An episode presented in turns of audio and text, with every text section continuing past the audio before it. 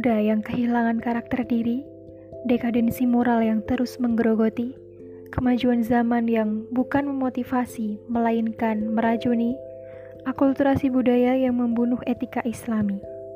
Apa yang harus kita lakukan saat ini? Sadar, bangkit, dan bentengi diri.